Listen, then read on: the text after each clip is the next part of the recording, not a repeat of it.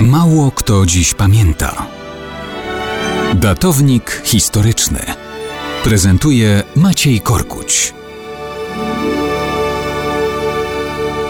Mało kto dziś pamięta, że 16 marca 455 roku na polu marsowym w Rzymie cesarz Walentynian III przyglądał się ćwiczeniom rzymskich legionistów. Był władcą o dużym stażu, panował od trzech dekad, choć sam jeszcze nie miał nawet czterdziestki. Wśród jego żołnierzy nie było już słynnego wodza Aecjusza Flawiusza. Ten, wsławiony niezliczonymi bojami z germańskimi Wizygotami, Frankami, Jotungami, Burgundami, Alanami, był także pogromcą Hunów w pamiętnej bitwie na polach katalaunijskich. Przez tyle lat związany z Walentynianem wódz legionów miał wielkie ambicje. Chciał wydać swojego syna za córkę Walentyniana i tą drogą zapewnić mu w przyszłości tron po śmierci cesarza. Ambicje duże rodzą wrogów. W roku 454 wydarzenia więc nabierają tempa. Wpływowy eunuch Herakliusz przekonuje cesarza, że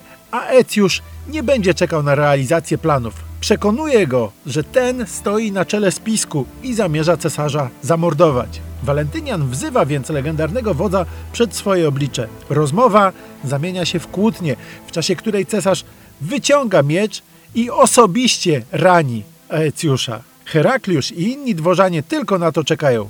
Rzucają się na rannego i dobijają go z zimną krwią. Od tych wydarzeń minęło zaledwie kilka miesięcy.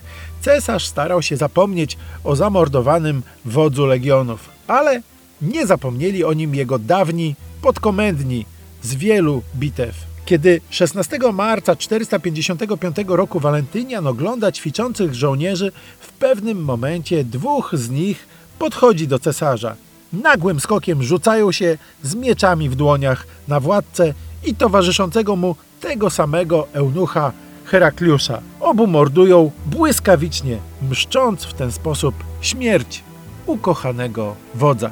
Cóż dodać? Kto mieczem wojuje, od miecza ginie.